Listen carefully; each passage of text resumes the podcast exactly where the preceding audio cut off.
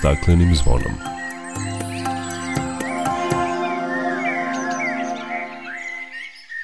Dobar dan i dobrodošli na Zeleni talas prvog programa radija Radio Televizije Vojvodine. Ja sam Dragana Ratković. Evropska komisija je predstavila novi izveštaj o napretku Srbije na putu evropskih integracija. Čućete kakve su ocene Evropske komisije u oblasti zaštite životne sredine i klimatskih promena, kao i šta sadrži deseti godišnji izveštaj Senke koalicije 27 koja prati doprinose procesu usklađivanja i primene politika i propisa Republike Srbije sa pravnim tekovinama Evropske unije u toj oblasti. Govorit ćemo o upravljanju otpadom i uspostavljanju sistema primarne separacije u Sremskoj Mitrovici, Subotici, Pančevu, Novom Sadu, ali i o iskustvima u toj oblasti u okruženju u Republici Hrvatskoj, na primjer u Zagreba. Biće reći i o novom izveštaju Svetske organizacije za prirodu WWF-a o plastici, o svemu više nakon pozdravne pesme. Dok priroda kraj nas plače, za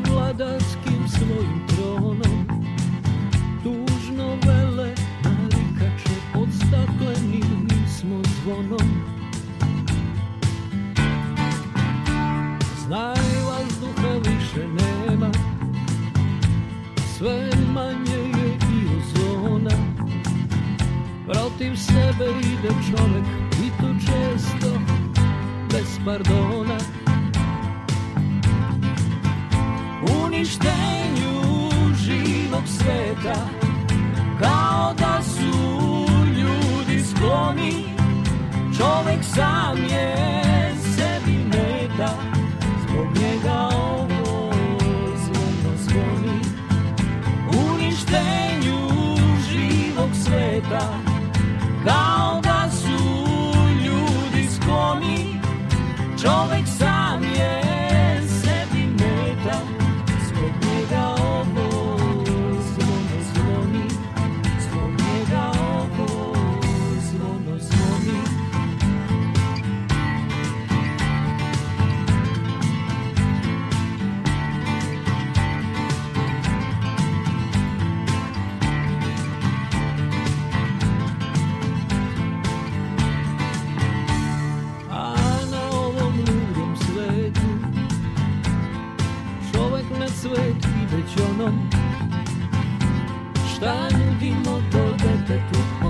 problemi kad smo zvonom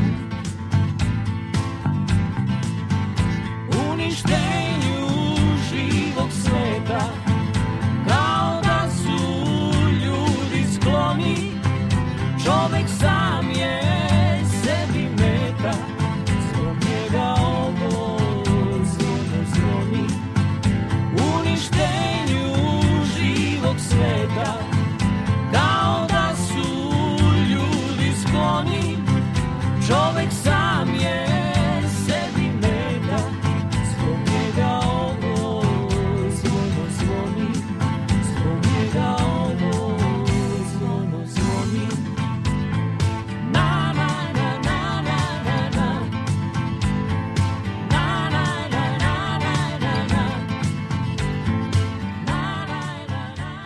Evropska komisija je u novom izveštaju za 2023. godinu konstatovala određene i ograničene napretke u oblastima, a pozvala je i na sprovođenje daljih reformi.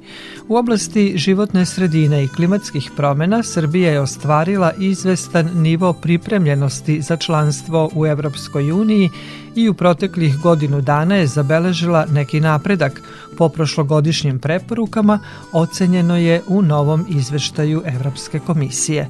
U delu izveštaja o poglavlju 27 navodi se da je usvojena strategija nisko-ugljeničnog razvoja za period do 2030. godine i urađen nacrt nacionalnog energetskog i klimatskog plana Srbije. Napredak smo ostvarili u povećanju finansiranja i investiranja u oblasti životne sredine, posebno u sektorima upravljanja otpadom i kvalitetu voda. Komisija je navela da preporuke za poglavlje 27 od prošle godine i dalje važe. Na listi preporuka sledi usklađivanje zakona o planiranju i izgradnji sa međunarodnim standardima, usvajanje procene uticaja na životnu sredinu u skladu sa Evropskom unijom i zakona o strateškoj ekološkoj proceni i usklađivanje i usvajanje uredbe o ekološkom kriminalu. Srbija takođe treba da primeni akcioni plan za razvoj administrativnih kapaciteta i program zaštite vazduha, usvoji uredbu o odgovarajućoj proceni, uredbu o industrijskoj emisiji, nastavi međunarodnu saradnju na prekograničnim rekama i sprovodi plan nisko-ugljeničnog razvoja. Prema oceni Evropske komisije u oblasti horizontalnog zakonodavstva Srbija ima visok nivo usklađenosti sa pravnim tekovinama Evropske unije, ali sprovođenje treba da bude unapređeno, posebno jačanjem administrativnih kapaciteta na centralnom i lokalnom nivou. Dobar nivo usklađenosti sa pravnim tekovinama Evropske unije zabeležen je kod kvaliteta vazduha i upravljanja otpadom, Kod kvaliteta voda i zaštite prirode usklađenost je umerena, dok je kod industrijskog zagađenja i upravljanja rizikom tek u ranoj fazi usklađenosti. Visok nivo usklađenosti sa pravnim tekovinama je kod hemikalija, kod zaštite od buke tek u ranoj fazi, ocenjuje se u izveštaju Evropske komisije. Navodi se i da Srbija u zakonodavstvu o klimatskim promenama ima određeni nivo pripremljenosti za članstvo u Evropskoj uniji, ali da je primjena u veoma ranoj fazi. A nešto pre izveštaja Evropske komisije o napretku Srbije, koalicija 27 predstavila je deseti godišnji izveštaj iz Senke, koji pokriva period od aprila prošle do aprila ove godine i daje osvrt na sprovođenje zelene agende u Republici Srbiji i o napretku Srbije u poglavlju 27 životna sredina i klimatske promene i sadrži detaljne preporuke za svaku od oblasti. Koaliciju 27 čini mreža nevladinih organizacija koje prate doprinose procesa usklađivanja i primene politika i propisa Republike Srbije sa pravnim tekovinama Evropske unije u oblasti životne sredine i klimatskih promena, poglavlju 27 u pregovorima o pristupanju Evropskoj uniji. Čujmo šta o ovogodišnjem izveštaju iz Senke kaže Igor Jezdimirović, predsednik Udruženja inženjeri zaštite životne sredine, koje je član mreže organizacija Koalicije 27. Ovogodišnji izveštaj iz Senke koji je objavio Koalicija 27 se zove Agenda bez agende, što ukazuje da bez obzira na veliki broj strateških dokumenta koje Srbije potpisuje i donosi, još uvek nemamo jasne promene i jasne napretke u oblasti životne sredine, iako se mogu videti pozitivni efekti, pre svega u delu da građani sve više povezuju uticaj zagađenja i njihovog zdravlja, i samim tim zahtevaju da, da se sve više brine o životnoj sredini, jer ako čista životna sredina, biće naravno i naše zdravstveno stanje bolje.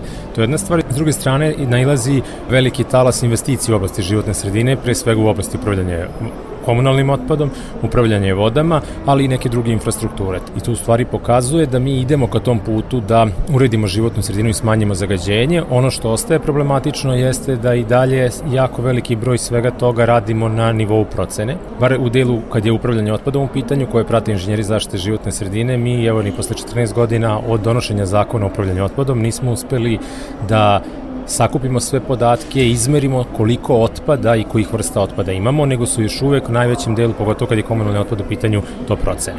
I to je jedno poražavajuće stanje, jer za 14 godina kad nešto primenjujete ili barem imate, bar bi se moglo da se očekuje da se upravo to izmeri koliko mi uopšte komunalnog otpada imamo, gde nam se nalazi, a ono što sa sigurnošću znamo jeste da najveći deo tog komunalnog otpada danas završava na nesanitarnim i divljim deponijama, nažalost Novi Sad isto taj jedan od gradova koji ima nesanitarnu deponiju i da je broj požara koji se javljaju na tim deponijama sve veći. Tako da smo 2022. godine imali 1760 požara na svim deponijama u Srbiji, to je podatak Ministarstva unutrašnjih poslova i to pokazuje da otprilike svakog dana pet deponija u Srbiji gori i na taj način proizvodi ozbiljno zagađenje. To je jedan od, da kažem, ono, zaključaka. Koja oblast beleži određeni napredak, a koja je naj, da tako kažem, zanemarljivija?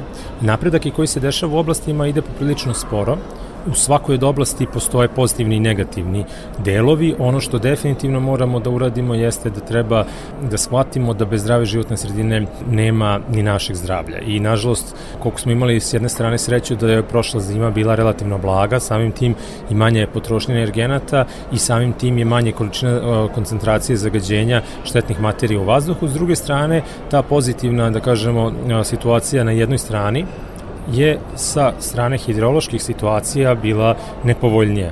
Jer umesto da se e, stvore adekvatni, da kažem, snežni pokrivači koji akumuliraju određenu količinu vode, pa je u određenom vremenskom rasponu puštaju. To se desilo odjednom. Mi smo imali sreće prošle godine da poplove koje su krenule su, su ostale u Hrvatskoj, nisu došle do nas, ali to upravo pokazuje da je u životnoj sredini sve povezano i da ako vam se čini možda negde da ste imali malo sreće zbog jedne okolnosti, da s druge strane se može desiti da to uzrokovalo neku drugu problematiku. S obzirom na analizu u pojedinim uh, oblastima, na kraju izveštaj uvek se daju neke preporuke. Koje su to preporuke u ovom desetom izveštaju? Jeste, preporuke nastavljamo da dajemo i na kraju svako izveštaja imaju, da kažem, urađeno, neurađeno.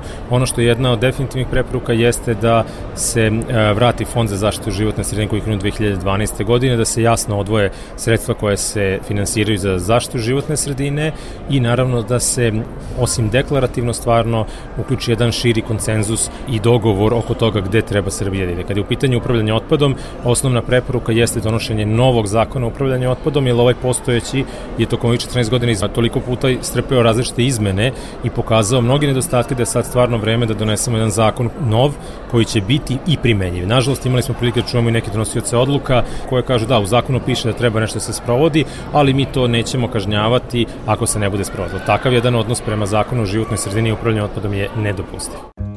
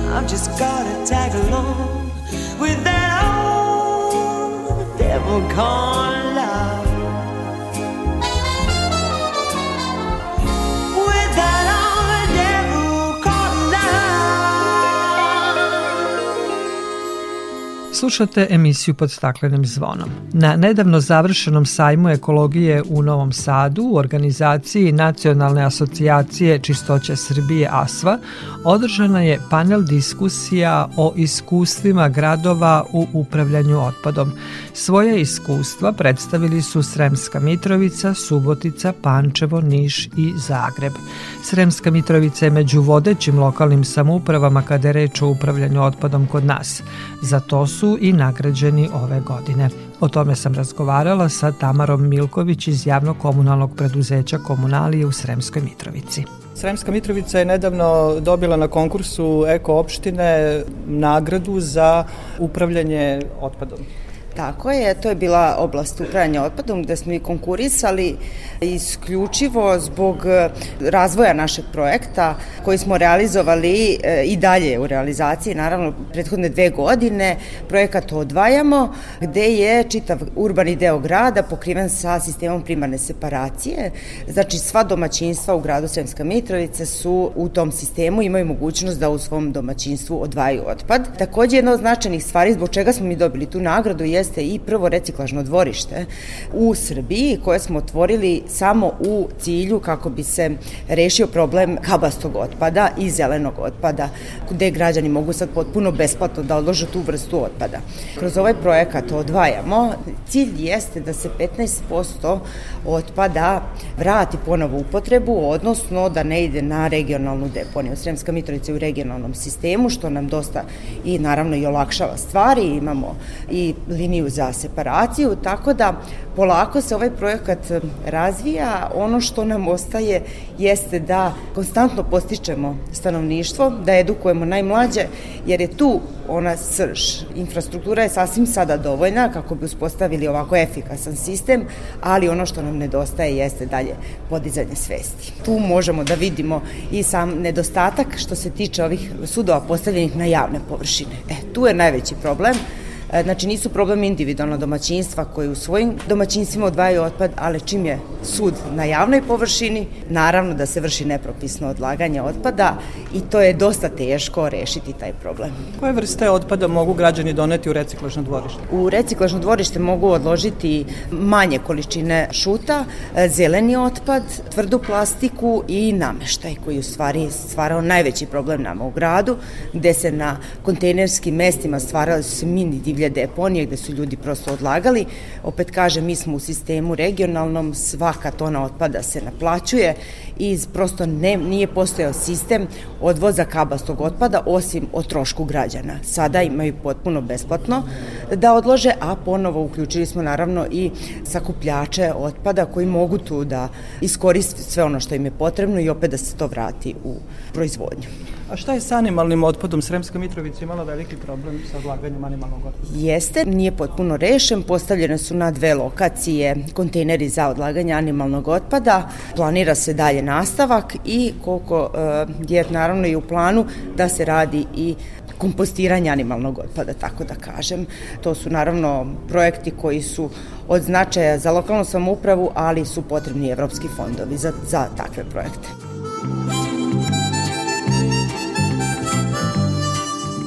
Dobre rezultate u uspostavljanju sistema upravljanja otpadom beleži i Subotica.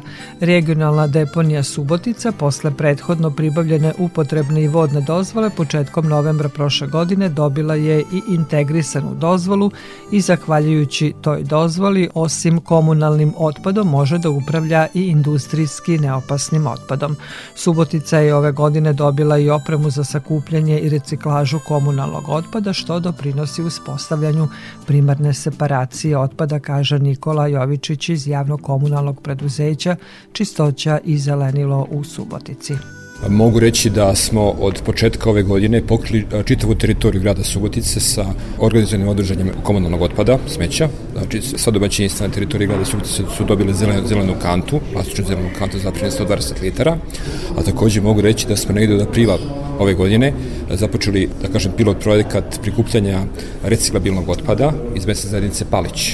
Građanima mesne zajednice Palić je podeljena plava kanta za prikupljanje reciklabilnog otpada. Ono što je još interesantno je to da imamo idejni projekat sanacije, rekultivacije gradske nesanitarne deponije Aleksandrovačka bara i očekujemo da u narednih godini do, do dve dana krenemo u tu sanaciju, odnosno u radove sanacije, rekultivacije gradske nesanitarne deponije. Subotic ima negde 37 mesnih zajednica i čit, znači, sa čitave teritorije grada JKP Čistoće zeleno prikuplja komunalni otpad. Mogu reći da od negde januara, februara ove godine preko 60% tog komunalnog prikupljenog komunalnog otpada završava na regionalnoj deponiji u Bikovu, koja je počela sa radom. Tako da planiramo da u narodnom periodu taj procent povećavamo, dakle da, da svo smeće odvozimo na regionalnu deponiju Bikova. Znači, sve ukupne godišnje količine otpada na, sa teritorija da Subotice iznose oko 50.000 tona godišnje. Tu je i smeće od građana, tu su i treća lica, privatnici i ostali. A koliko od toga se odvaja? Pa tu su neke količine do negde 1000 tona godišnje je reciklabilni otpad. Prilike, šta znam, to neki do, do 10% je, je ovaj reciklabilni otpad. A ostalo sve ide na deponiju? Jeste, ostalo ide na deponiju, da. Da to nije možda preveliko? Pa znate šta, regionalna deponija Bikovo ima sortinicu gde se izdvaja otpad, sad kakav je tamo ovaj procenat izdvajanja otpada, to ne mogu, ne mogu reći, to, to je pitanje za njih. Kolege iz regionalne deponije Bikovu su jako zadovoljni tom plavom kantom, jeli? Dva puta mesečno se prikuplja taj reciklabilni otpad iz plave kante, to je privena selekcija. Pilot projekat je u mećnoj zajednici Palić i planiramo da u nekom narodnom periodu pokrijemo ostale mesne zajednice grada Subotice. Najpre, najpre bi krenuli od gradskih mesnih zajednica, kasnije bi pokrili ostale prigradske seoske mesne zajednice.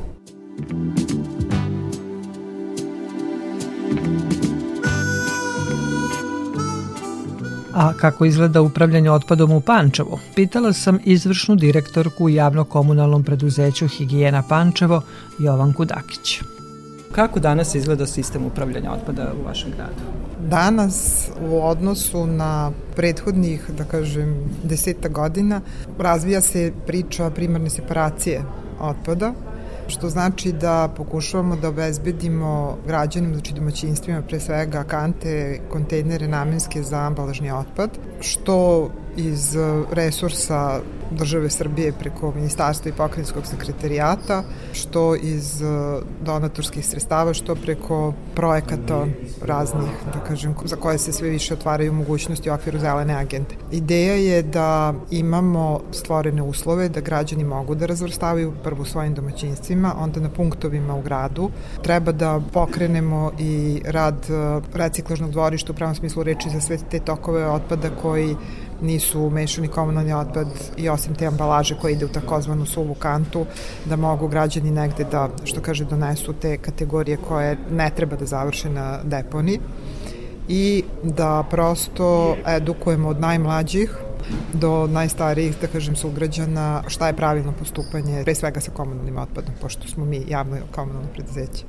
E, da li javno komunalno preduzeće pokriva i okolna mesta? Pa Pančevo je malo specifično po tome zato što grad obuhvata zapravo naselje mesto Pančevo i još devet naseljnih mesta sela, da tako kažem. Od tih devet, sem Ivanova, sva ostali imaju neko svoje malo lokalno javno komunalno preduzeće koje se bavi, da kažem, zajedno svim delatnostima, uključujući i izbrinjavanje komunalnog otpada na svojim nekim lokalnim smetlištima osim Starčeva i Dolova koje je preuzelo za sada javno komunalno preduzeće higijena iz Pančeva. U perspektivi svi oni će biti obuhvaćeni nekim preduzećem, da li će to biti higijena ili neko novo, ali u svakom slučaju da se prestane sa praksom odlaganja otpada na seoskim smetlištima, nego da se sav otpad preusmeri na sanitarnu deponiju. Imate li i dalje problem sa divljim deponijama? U suštini da.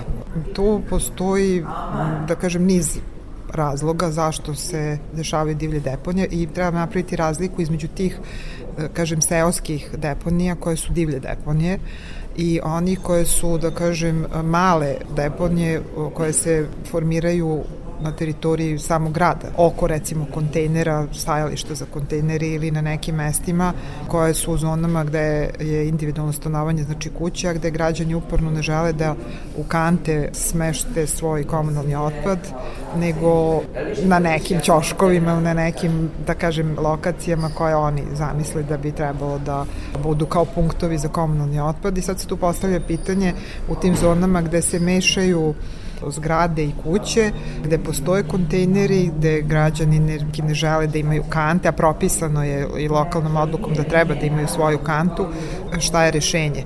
Jer e, komunalno preduzeće u svu, da kažem, dobru volju organizaciju, ali uz, na osnovu raspoloživih e, resursa i u pogledu ljudstva i mehanizacije i prosto organizacije posla, ne može prazniti e, više puta dnevno po celom gradu kontejnere zato što neko ne želi da stavi svoj otpad u svoju kantu i iznese jednom nedeljno i to onda postaje problem i ja mislim da je to jedan od bitnijih razloga zašto se formiraju divlje deponije. Pančevo je i sedište regionalne deponije, u kom smislu i kako ono funkcioniše danas? Pančevo je, ja bih rekla, centar buduće regionalne deponije, jer regionalnost sanitarne deponije daju zapravo zaključeni ugovori sa drugim opštinama. Trenutno postoji i dalje važeći sporazum samo sa opštinom Opavom, ali ne i zaključen ugovor o dovoženju i odlaganju otpada i plaćanju te usluge znači, na sanitarnoj deponiji, tako da za sad formalno priča se o regionalnoj deponiji, ali u suštini praktično ona nije regionalna, znači prima otpad samo iz Panča. A da li zadovoljava sve uslove? Sanitarna deponija i prema zakonu upravljanju otpadom i prema zakonu planiranju izgradnji je izgrađena tako da zadovoljava uslove pre svega zaštite zdravlja ljudi, a onda zaštite medija životne sredine, jer to je suština, da kažem, sanitarnosti neke deponije. Da kažem, potrebno je da se dodatna postrojenja za prečišćavanje otpadnih voda izgradi, odnosno postavi, jer za sada mi recirkulišemo recimo svu otpadnu vodu na telo deponije i tako nam je i propisano, da kažem, vodnom dozvolom. Opet neki, da kažem, budući savremeni sadržaj za tretman deponijskih gasova, za tretman biootpada još tek treba da se uspostave, odnosno izgrade na lokaciji. Koliko je opština planirano da gravitira ka regionalnoj deponiji Pančeva? Deponija je izgrađena kao gradska i možda jedina, ali ili jedna od redkih koja je izgrađena 95% možda i više finansirana iz sredstava od građana Pančeva. Tako da je po tome isto specifično. Imali smo jedan projekat sa resornom ministarstvom 2000 13, 14, 15. ga kažem godine kada su neki nedostaci otklanjani i nabavljena neka oprema da bi deponija mogla da počne sa radom, ali kažem još uvek je to sve u toku jer je deponija zapravo kao bilo koja fabrika IPPC postrojenje i podleže znači potrebi da dođe do ishodovanja i te dozvole za IPPC.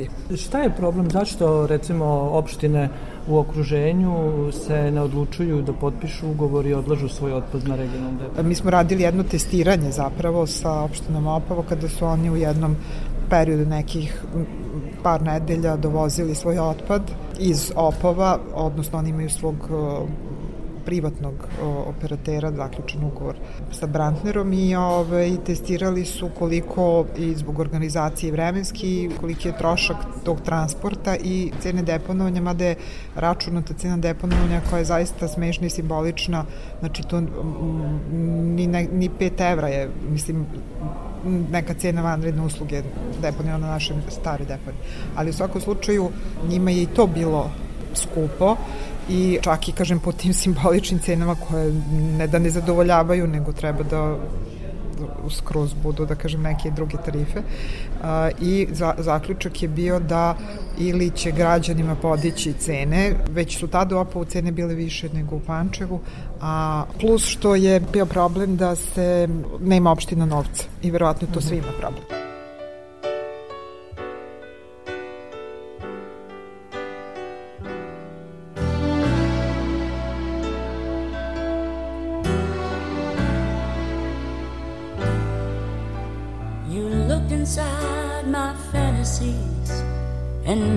One come true. Something no one else had ever found a way to do. I've kept the memories one by one since you took me in. I know I'll never love this way again.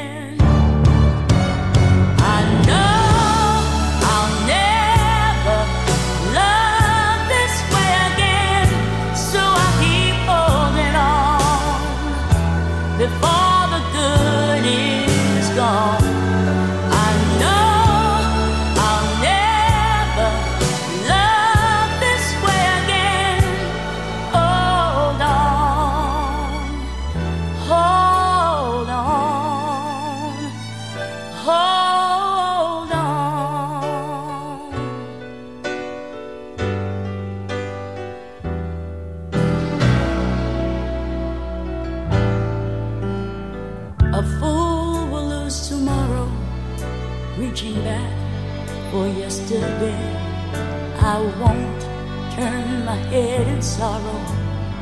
should go away. I'll stand here and remember just how good it's been. And I know I'll never love this way again.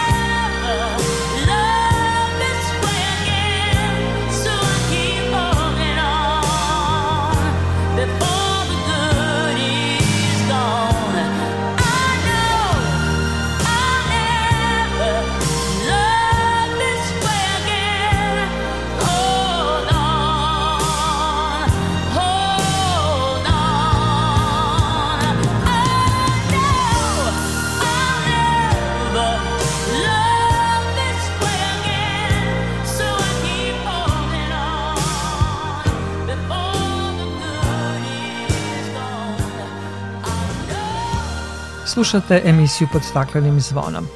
I u nastavku emisije govorimo o upravljanju otpadom.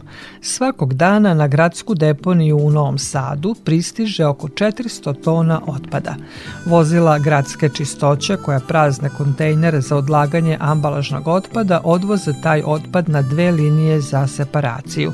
Daniela Jankov iz tog preduzeća kaže da očekuju da će s početkom rada reciklažnog centra veće količine tog otpada biti usmerene na razvrstavanje.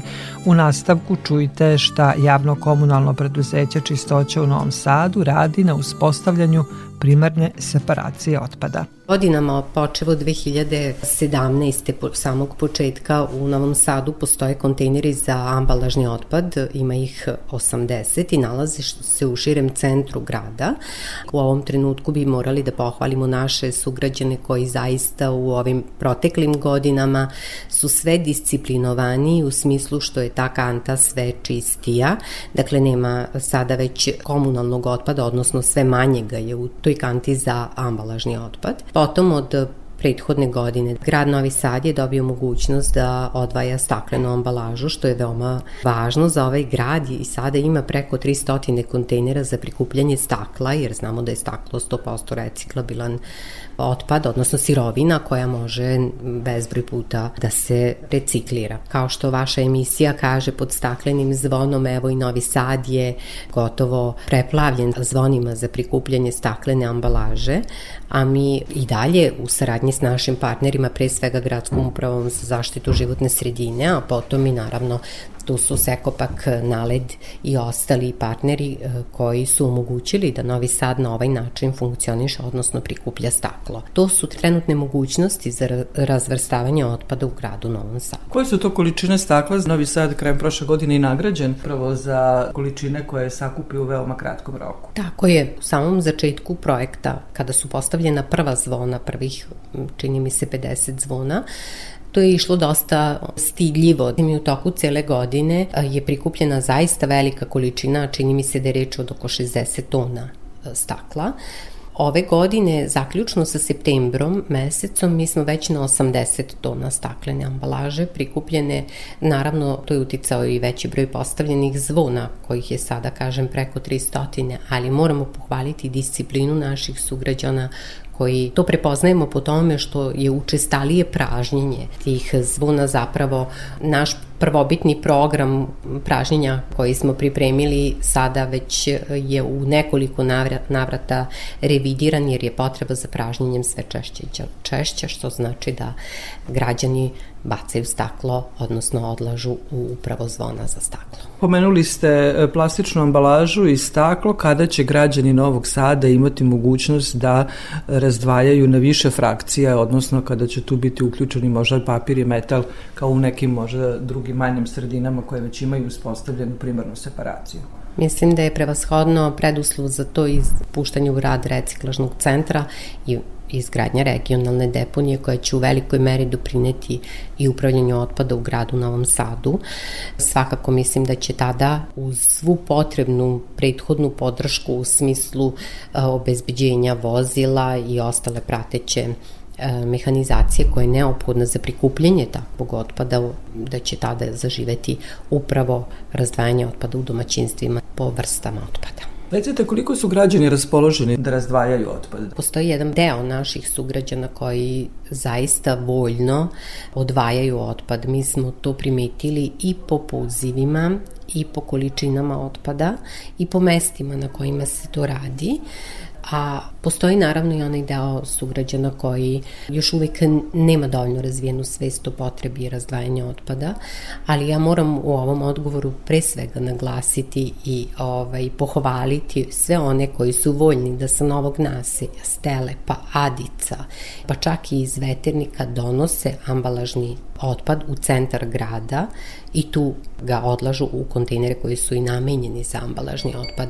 To su zaista momenti koje prepoznajemo na način direktne komunikacije sa njima, jer postoje sugrađani koji nas pozovu i kažu da su oni sakupili određenu količinu gde oni mogu to i da odlože, a da bude sigurno upućeno tamo gde je i potrebno. Prethodnih godina problem su bile i neke divlje deponije smetlišta koje su se upravo stvarala u nekim delovima grada. Još uvek postoji taj problem. Pre svega moramo raditi na prevenciji stvaranja divljih deponija, a pritom govorimo o malim deponijama, to su one deponije koje se stvaraju od starog šuta, sanitarije, nameštaja, a na javnoj površini najčešće uz kontejnerska mesta. Dakle, moramo govoriti stalno o tome našim sugrađanima o štetnosti odlaganja takve vrste otpada na taj način, ukoliko posjeduju stari nameštaj koji žele da poklone nekom, nije način da ostave na javnoj površini. Sada su dostupne gotovo svima sve društvene mreže putem kojih se vrlo lako mogu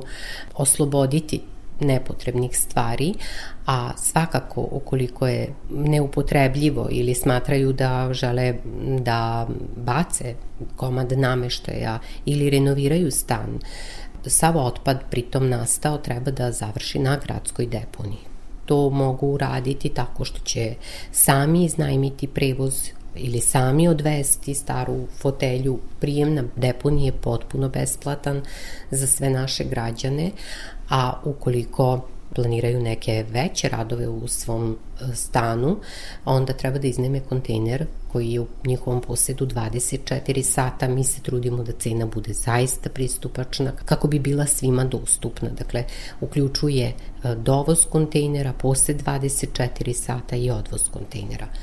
Mnogi kažu da je problem u tome da se mora dugo čekati. Mora se blagovremeno najaviti. E to je e, značajna razlika, pošto naše preduzeće svakako imaju organizovanu besplatnu akciju koju treba ispratiti dva puta godišnje i tada je veliki broj kontejnera u samom opticaju, pa se broj kontejnera koji je moguće iznajmiti naravno smanjuje i sprem tih aktivnosti mi određujemo broj kontejnera koji možemo fizičkim licima iznajmiti i naravno potrebno je onda blagovremeno najaviti. Kakvi su planovi za narednu godinu? Planiramo pored reciklažnog centra još brojne, brojne aktivnosti koje su usmerene upravo na ove aktivnosti o kojima smo sada e, razgovarali. Dakle, težnja nam je da omogućimo našim sugrađanima da na e, mnogo efikasniji način se pre svega oslobađaju krupnog otpada koji imaju, a da to bude u e, redovnim tokovima, da dakle pratimo taj otpad, A pored toga, naravno, ono što je najvažnije za grad Novi Sad jeste upravo da sva domaćinstva imaju mogućnost da razdvajaju otpad, jer zaista se veliki novac nalazi u tom otpadu u smislu zaštite životne sredine, u smislu uštede energije, u svakom drugom smislu koji može da podstakne da se iz, od starog napravi novo, da imamo neke nove proizvode od onog što smo već koristili. Slušate emisiju pod staklenim zvonom. Čuli ste kako izgleda upravljanje otpadom u Sremskoj Mitrovici, Subotici, Pančevu i Novom Sadu, a kako je u okruženju u Republici Hrvatskoj. Kada je reč o upravljanju otpadom kod naših komšija u Hrvatskoj, koja je članica Evropske unije, izazovi su gotovo identični, kaže Davor Vić, direktor podružnice čistoća Zagrebačkog holdinga. Osnovno je uspostaviti jedno održivo gospodarenje otpadom, dakle uvažavajući vrijednost sekundarnih sirovina koje se nalaze u našem svakodnevnom životu. Ono što građani naravno uz to žele uredan i čist okoliš, dakle kako urbanih sredina, tako naravno i prirode, međutim razlika u odnosu na Hrvatsku je time što smo mi kao članica Europske unije ipak imamo obveze koje su puno strože, one se najviše dotiču u ovom kontekstu, dakle odluka da sva odlagališta se moraju zatvoriti, dakle mi ne možemo više imati odlagališta u klasičnom smislu i to je najveći trenutno izazov Hrvatske po pitanju uspostave primarne selekcije otpada na kućnom pragu, tu jesmo napravili dosta velike korake, međutim po pitanju zatvaranja odlagališta velik dio Hrvatske još uvijek koristi takozvane deponije na kojima je sve manje i manje ovaj, zapravo kapaciteta.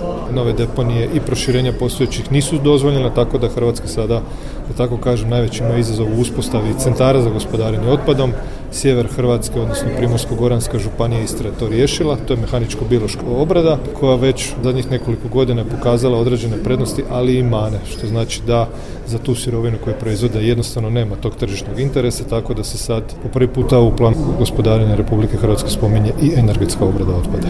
Hrvatska plaća, dakle, takozvanu poticenu naknadu i penale Europske komisije upravo zbog toga što ciljevi nisu dosegnuti u onom planiranom obimu kojem su trebali. Kako izgleda konkretno sistem upravljanja otpada u Zagrebu? On je zasnovan prvenstveno na poticanju građana da što više odvajaju otpada.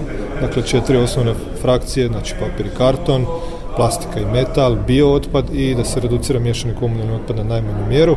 To se radi kroz nekoliko osnova. Znači, prvo i prvo je građanima omogućiti i edukaciju i pripadajuću infrastrukturu, a kao nekakva zadnja mjera je i naravno i cijena, odnosno mjesečni utrošak te usluge gdje se zapravo kroz e, volumen miješanog komunalnog otpada nastoji korisnika zapravo potaknuti da tog miješanog komunalnog otpada bude sve manje i manje. I evo mi smo u implementaciji već jednu godinu dana, prvi rezultati su se pokazali dosta dobrimo po pitanju toga da smo smanjili miješani komunalni otpad gotovo za četvrtinu odnosu na godinu ranije, međutim i dalje po pitanju izgleda grada, odnosno korištenja onih zajedničkih spremnika, pogotovo oni koji su i dalje na javnim površinama, tu imamo određene izazove i sa njima se i dalje borimo. Građani imaju ovako 6 eura je osnovna cijena i nakon toga ide cijena ovisno o količini miješanog komunalnog otpada, tako, tako da ovisi o njima. Dakle, to je u prosjeku od nekakvih 8 do 12 eura, ovisno o tomu koliki je zapravo, koliko je korisnik angažiran, koje su njegove nekakve potrebe.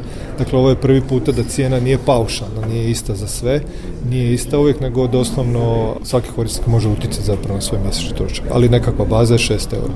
To je takozvana minimalna javna usluga u toj minimalnoj javnoj usluzi u njenom e, utrošku su e, uključeni troškovi sakupljanja svih e, reciklabilnih dakle, vrsta otpada, uključujući bio otpad, dakle tu nema ograničenja po količini, zatim tu je uključen i rad reciklažnog dvorišta koji su svim fizičkim korisnicima, dakle građanima na raspolaganju bez nekakvih ograničenja i tu je odvoz glomaznog otpada dva puta godišnje, jednom je zakonska regulativa, međutim grad Zagreb je napravljen iskorak s obzirom da ima potres, tako da omogućuje svojim građanima dva puta godišnje besplatan odvoz po dva kubika glomaznog otpada. A da li se otpad koristi u energetske svrhe? Za sad u Hrvatskoj ne. Jedan dio bio otpada se koristi u bioplinskim plinarama, ali zapravo ono osnovno, znači miješan komunalni otpad, ta komponenta se energetski još ne obrađuje.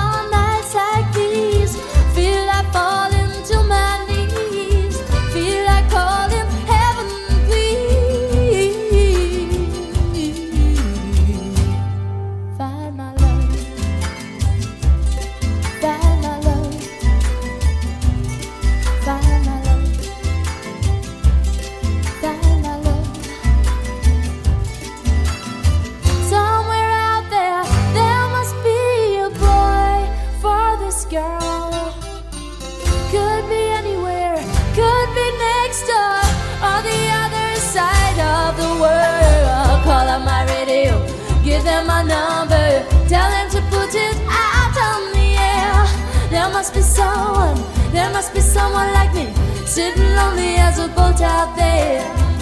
Oh. oh, oh.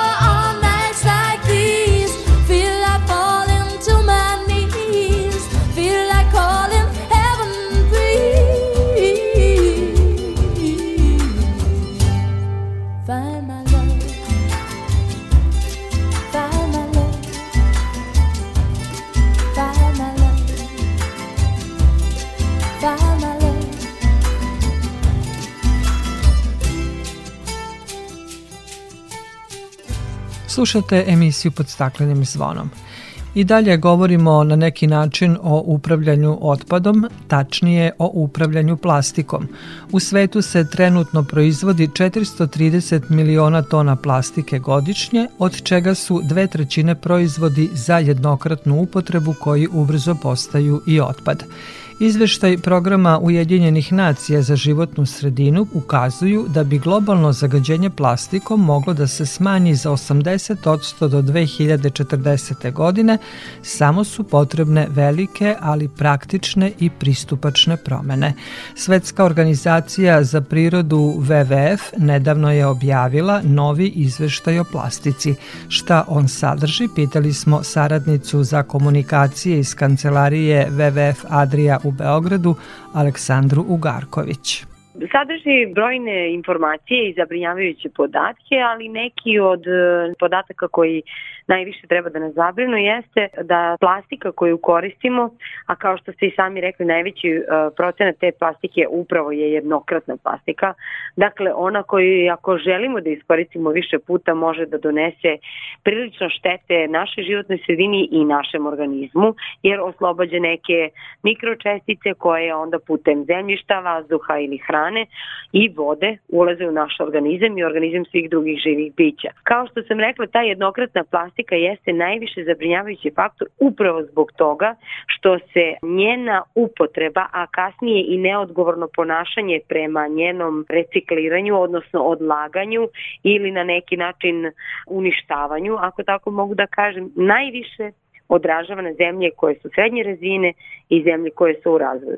Prema procenama izveštaja, odnosno podataka, i ukupni troškovi, uslovno rečeno životnog veka plastike, se kreću po kilogramu plastike oko 150 dolara u zemljama sa niskim i srednjim prihodima, a u nekima koje su najekstremnije čak i do 200 dolara po kilogramu, što je 8 do 10 puta više od recimo cene kilograma tretiranja te plastike u zemljama sa visokim prihodima, a ona iznosi 19 dolara. Dakle, to je zaista, zaista jedna velika disproporcija koja ukazuje na to koliko su zemlje koje nemaju ni finansijskih, ni organizacionih, ni kapaciteta u pogledu znanja kako tretirati jednokratnu plastiku osjećaju na svojoj koži. Ali ukoliko ovako nastavimo, kažu procene su da bi proizvodnja plastike mogla da se utrostruči do 2060. godine. U 90% slučajeva za proizvodnju plastike koriste fosilna goriva, ona je e, jeftina, ali ima zato široku primenu i već sada kažu da negde oko 150 miliona tona se nalazi u okeanima. Do 2050. godine kažu koliko se ovako nastavi, bit će više u okeanima i morima plastike nego same ribe. Te procene su i tekako zabrinjavajuće. Ja ću vas samo ispraviti što je na našu štetu da su procene da se do 2040. godine u okeanima plastika može biti mnogo više nego što ima riba i živog organizma.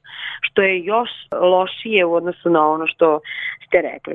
Nama je činiti nekoliko stvari, između ostalog nam je činiti da zabranimo jednokratnu plastiku.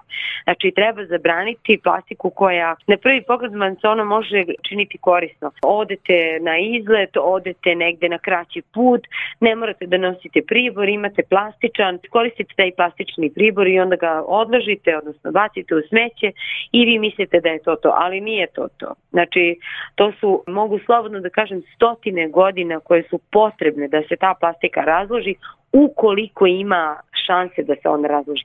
Jer nije ni sva plastika je ista, postoji brojne studije o tome na koji način i od kojih vrsta plastike se prave predmeti koje mi koristimo u svakodnevnoj upotrebi. I kažem, to se može činiti jednostavno na vrlo kratak vremenski rok posmatram. Na duži vremenski rok mi ugrožavamo svoj život. Jer postoje studije koje pokazuju, za koje je WWF između ostalog učestvovao u njihovim izradi, koje ukazuju na to da se plastika sada može naći i u mikroorganizmima i u čak majčinom mleku ili u tragovima i u postelji.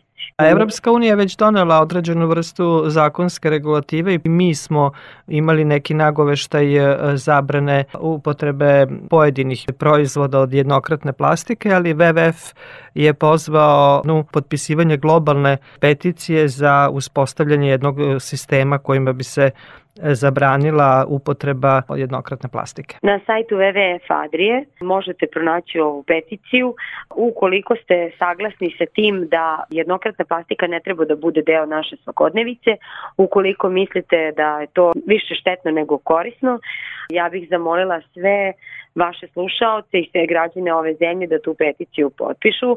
Takođe, napomenuli se da u Europskoj uniji postoji regulativa koja zabranjuje upotrebu jednokratne plastike, ali recimo na primjeru Hrvatske mi vidimo da to na delu kao i u ostalom svi propisi ne izgleda baš onako kako je zamišljeno u pravnoj regulativi, te je tako zabranjena upotreba jednokratne plastike poput kao što sam rekla plastičnih tanjirića, viljuški, kašika, štapiće za uši koji su plastične i slamčica, dok se postojeće rezerve ne potroše, to može da stoji u upotrebi. Međutim, u Hrvatskoj je više od šest meseci taj zakon na snazi. Još uvek se u prodavnicama mogu naći plastične slamčice, kašike, viljuške, što dovodi do toga da se mi zapitamo da li su te rezerve tolike ili neko koristi prosto tu odrednicu dok se ne iskoriste rezerve, da, da se okoristi još malo na ličnom nivou, a što na globalnom nivou dovodi do, do velikih poremeća. I zbog toga je peticija i napravljena tako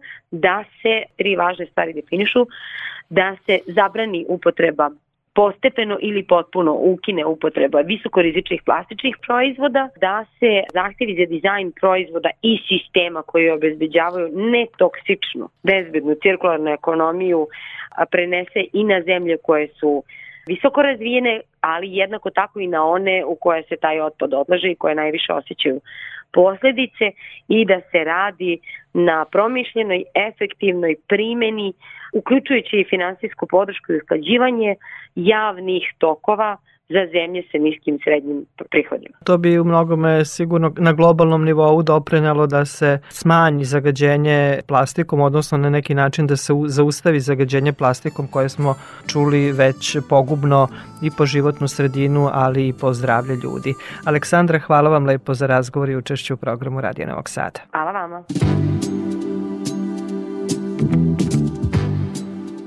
Toliko u ovom izdanju emisije pod staklenim zvonom koju možete slušati i odloženo na podcastu Radio Televizije Vojvodine na adresi rtv.rs. Emisiju realizovali Violeta Marković, Maja Tomas i Dragana Ratković. Naredni susret zakazujemo za sedam dana u isto vreme na zelenom dalasu prvog programa radija Radio Televizije Vojvodine. Sometimes it's hard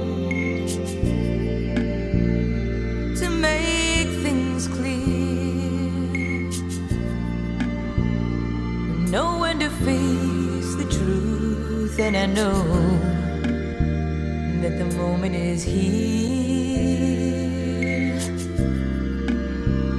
I'll open my heart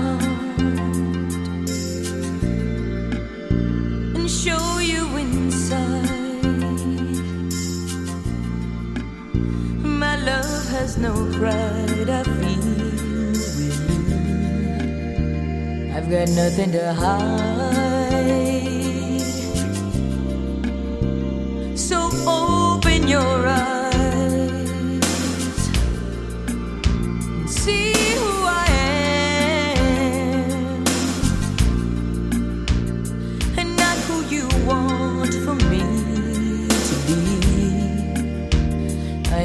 myself.